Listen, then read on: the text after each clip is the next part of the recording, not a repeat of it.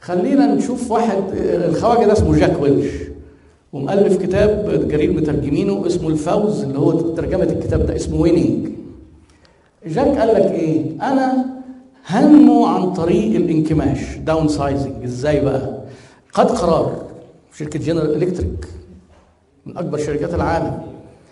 قال لك أنا الشركة اللي أنا مش فيها رقم واحد أو اتنين في العالم هقفلها.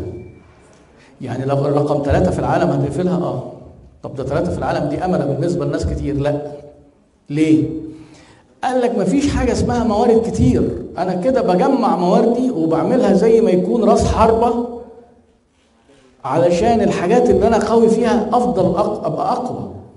وعلى فكرة ده كان تفكير جديد في الاستراتيجيز وجات الكتب خدتها منه وبعد كده اتعمل عليها دراسات طلع إن من ضمن الأفكار الاستراتيجية القوية جدا إنك تركز يعني. ليه؟ هو بيقول لك أنا بعمل حاجة اسمها funneling of resources. Funnel يعني القمع اللي هو ال funnel فأنت بيقول لك بحط الموارد هنا بحيث تنزل من حتة صغيرة. اركز دي بس هيبقى سهم قوي.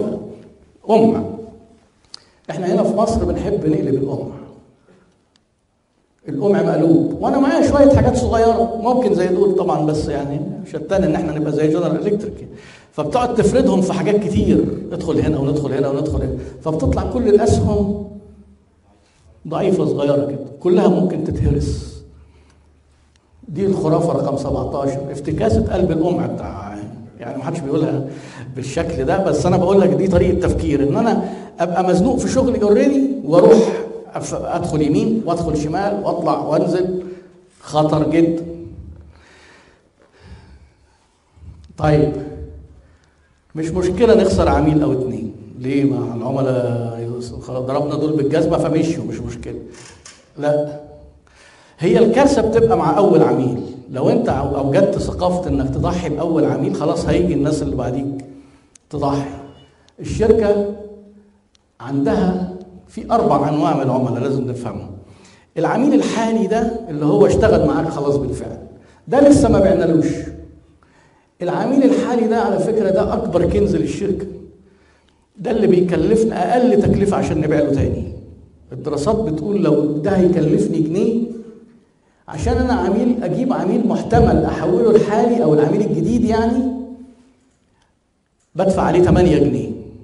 promotion وعروض 8 جنيه تمام؟ طيب العميل اللي زعل مننا ومشي عشان نصالحه اللي هو المفقود ده بيسموه lost بيكلف 64 جنيه. والوقت بقت أيام ال social media. الدراسة اللي بقول لكم دي قديمه ليه بيخص بي- بيكلفنا ليه؟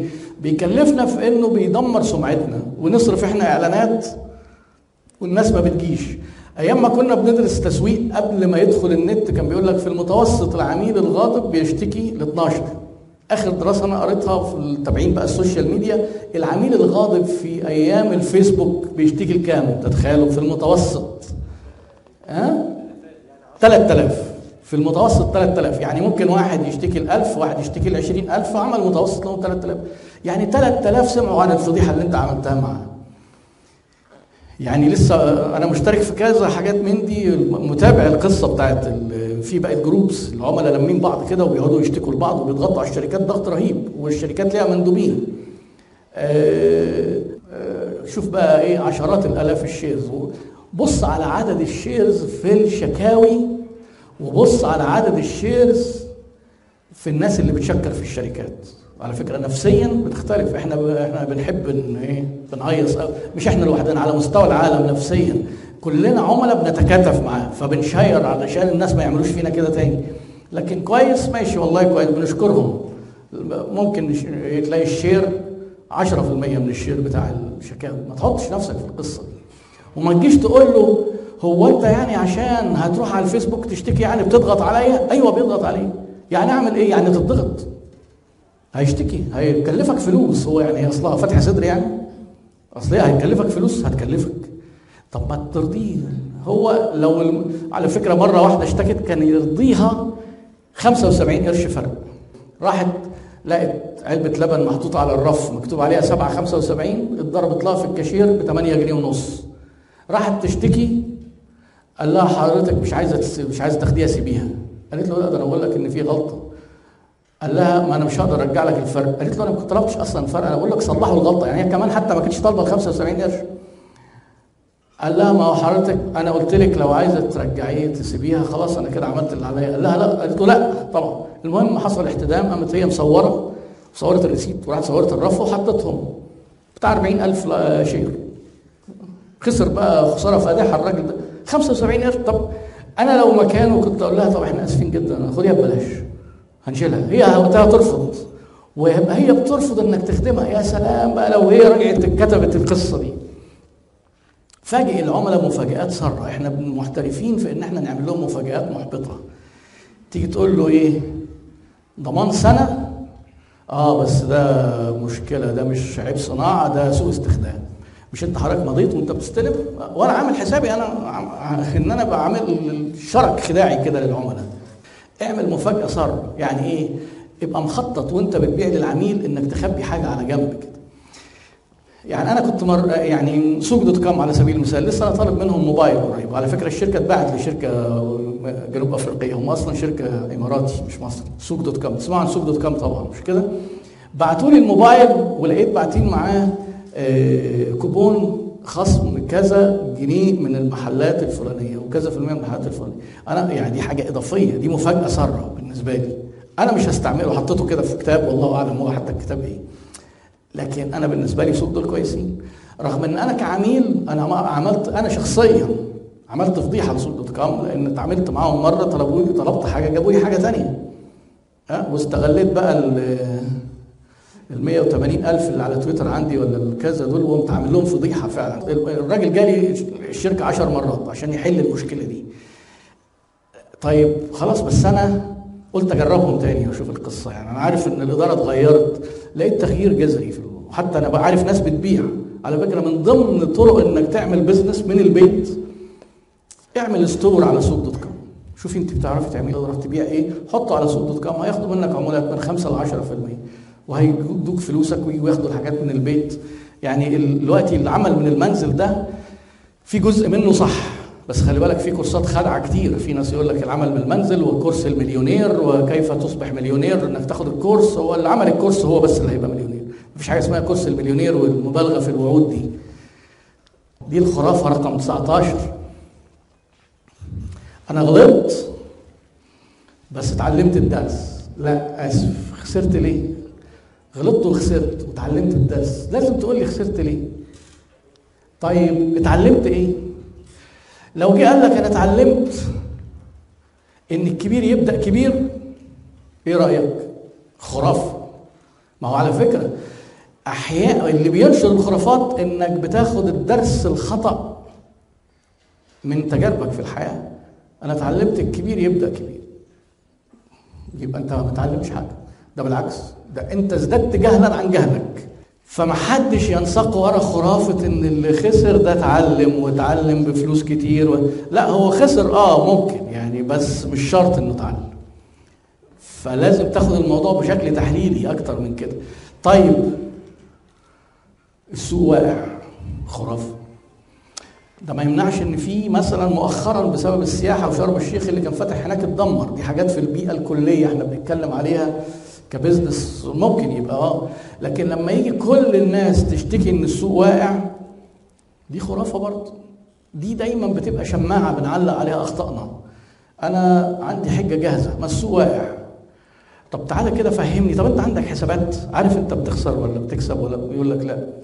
يبقى مش السوق واقع بقى يعني أنا من فيما عدا الحاجات اللي هي اللي لها تأثير مباشر بالظروف السياسية يعني السوق مريض ممكن يبقى مريض. لكن إنه مرض لدرجة إن أنت تيجي تقول ده أنا خسرت بسبب السوق واقع يعني الشركات اللي جات لي وقالوا لي الكلام ده لما جيت أحلل في معظم الحالات طلعت مشاكل داخلية. خرافات أو أخطاء وهم مش حاسين بيها أو حاسين بيها وما عالجوهاش أو حاولوا يعالجوها وفشلوا. خلي بالكم التطبيق في الموضوع ده أحيانا بيبقى صعب. يعني مش دايما أنت تبقى عارف الحاجة وعارف الصح فبتعرف تعمله. يعني أنا طيب يعني إيه واقع؟ هل ده تبرير فشل يعني؟ أنا ممكن وجهة نظري السياسية تخليني أحب قوي كلمة واقع دي. ممكن. بس ما تصدقش كل حاجة بتحبها. وما تكذبش كل حاجة بتكرهها. خلي عندك مهارة التفكير بموضوعين بصوا دي دراسة من ضمن الدراسات اللي معمولة في أمريكا على أسباب فشل الشركات. بصوا على الأرقام عاملة إزاي. 60 و40 46% من الشركات فشلت بسبب غياب المعرفة الإدارية. 30% الخبرة الإدارية. وإحنا قلنا الفرق بين المعرفة والخبرة. معرفة إنه مش عارف القواعد بتاعت بتاعت البشرية والخبرة إنه هو إيه بادئ جديد. ما طبقش.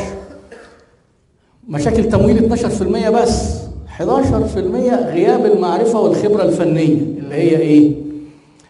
أنا هشتغل مثلا مطعم عارف يعني إيه مطعم، ملابس فاهم يعني إيه قماش ويعني إيه موديلات ويعني اللي هي الفنية، هعمل بيتزا عارف يعني إزاي تتصنع البيتزا. واحد في المية بسبب النصب والكوارث الطبيعية اللي إحنا بنقعد نقول إيه؟ مشكلة والسوق واقع والكلام. يعني 87% لما تيجي تجمع الحاجات اللي ليها علاقة بالمعرفة 87% من مشاكل الشركات معرفة وخبرة. أمريكا اللي هي بترعى وبتحب المغامرة والمخاطرة وبيرعوا الجداد نسب الفشل عالية. ما حدش يتخيل إن إحنا بس كل الستارت أبس عندها مشاكل كل الشركات الناشئة عندها مشاكل. عشان كده أنا هقول لك لازم عندك إصرار بعد ما تعمل كل الكلام ده. ثمانية من كل عشر شركات بتفشل في خلال أول 18 شهر في أمريكا. العملية يعني إحنا عندنا النسب أعلى بس ما عندناش حد بينشر لأن الأرقام مخزية. طب النجاح عشان ننجح نعمل إيه؟ لازم هتبقى محتاج وقت وفلوس. والفلوس ممكن تبقى قليلة أحيانا ممكن تبقى كتيرة بس يعني محتاج الاثنين دول ومحتاج المعرفة وهو ده اللي إحنا بنحاول نكمله مثلا النهارده مع بعض. طيب التنفيذ هيبقى صعب. محتاج تتعلم من أخطائك عشان كده يبقى عندك بداهة. ما تجيش تقول لي إيه؟ الكبير أصل أنا اتعلمت إن الكبير يبدأ. الكبير ده كده دي حتى مش common sense ويبقى عندك إصرار. هتقابلك مشاكل اللي هي الزجزاج وإحنا طالعين دي ما بيطلعش الخط سموث كده. بتيجي تقع شوية بس لازم تقف وتقوم تاني وتقف وتعرف كل مرة دورك تعرف ليه وقعت وإزاي تقف. تمام؟ بشكل عام بقى في البيزنس وغيره إزاي الخرافات ما تبقاش أنت ضحية للخرافات؟ بشكل عام تعمل إيه؟ لازم في حاجة في مهارة كده في الحياة مهارة في مهارات التفكير اسمها مهارة التفكير الناقد. Critical thinking يعني مش كل حاجة تتقال لك تقول آمين. لا خلينا نفكر كده.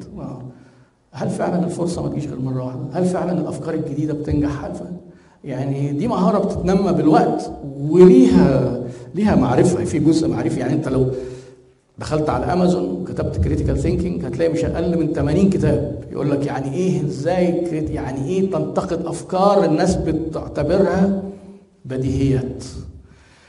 وبعدين يبقى أنت عندك معرفة. لما أنت لو عارف حسابات وجي واحد قال لك والله أصل اللي ما أعرفش الحسد إيه؟ لا هتقول له لا ده أنت أمال هتدير شركتك إزاي؟ ما أنا فاهم.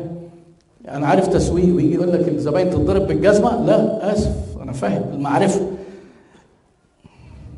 وبعدين ما تستسلمش للناس اللي بيدوا قواعد ممنوع تعاطي الكفته. الناس اللي بتقعد تصبع في كفته وتوزع اللي حواليها دول ما ما تاخدهاش. يعني هو ده مش تلميح سياسي لأي حاجة يعني. هي هي كلمة تعاطي ممكن توحي بالاسم اللي حضرتك قلته. بس يعني بلاش إن إحنا نقعد كده أي حد يديك معلومات ويقعد يحاضر لا ما في ناس كتير ما عندهاش المعرفة دي. طب أنا في البداية عشان أبقى أنا في التوكو ببرشامه سريعة لأن ده سؤال كتير بتسأله. الناس عايزين يشتغلوا في البيزنس. ويجي يقول لي أنا في حاجة عايز أشتغل فيها. إيه الحاجة اللي مكسبها كبير؟ وما فيهاش مخاطرة. وملهاش منافسين. والناس كلها محتاجاها. وهيقفوا بالطوابير لما بيعها الحاجة مفيش مفيش أشكركم.